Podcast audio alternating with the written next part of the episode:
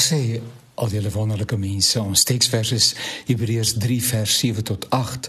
Luister daarom na wat die Heilige Gees sê. Vandag as jy sy stem hoor, moet jy nie hardkoppig wees nie, soos julle voorvaders toe in opstand gekom het en my in die woestyn op die proef gestel het. Die positiewe van die aangehaalde teks, nê, nee, luister na dit wat die Heilige Gees sê. Die positiewe in hierdie teks is die feit dat God praat en nog nie opgehou het met praat nie. Die hele geskape werklikheid het tot stand gekom deur dit wat God gespreek het. Dit was 'n enkele woord en dit was meer as genoeg om alles in beweging te bring en die chaos wat geheers het in 'n pragtige simfonie van kleure en klank, beweging en aktiwiteite verander. Nog 'n perspektief is dat God spreek in situasies.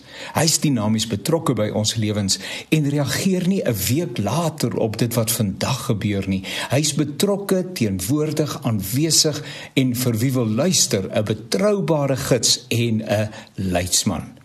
Aan die ander kant kan mense tog so selfverseker wees oor wat hulle glo reg is.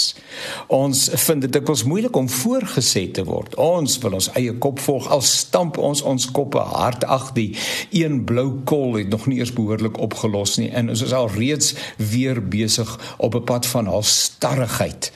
Ons vergoeilik en regverdig ons optrede voor God en ons medemens en ons verwag dat hy tevrede moet wees met al ons verduidelikings. Ja, wat is die mens dat u aan ons dink? Enerzijds net minder as 'n goddelike wese, so sê u woord. Anderzijds 'n harde kojawel. Ons het die voorbeeld van wat die Bybel ons voorvaders noem, nê? Nee? Israel, sy voorvaders. Ons is tog ook die geestelike Israel. Ons voorvaders, hulle hartvogtigheid en eie sinnigheid het hulle 40 jaar in die woestyn gekos, spreekwoordelik weer om die berg. Ag nee wat.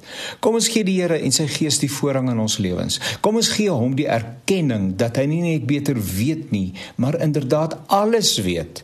Donker is tog soos lig by hom. Ons kan hom maar vertrou, want niemand wat die Here vertrou word teleurgestel nie, sê Psalm 34. So daarom luister na wat die Heilige Gees sê. As jy die stem van die Here hoor, moenie hardkoppig wees nie.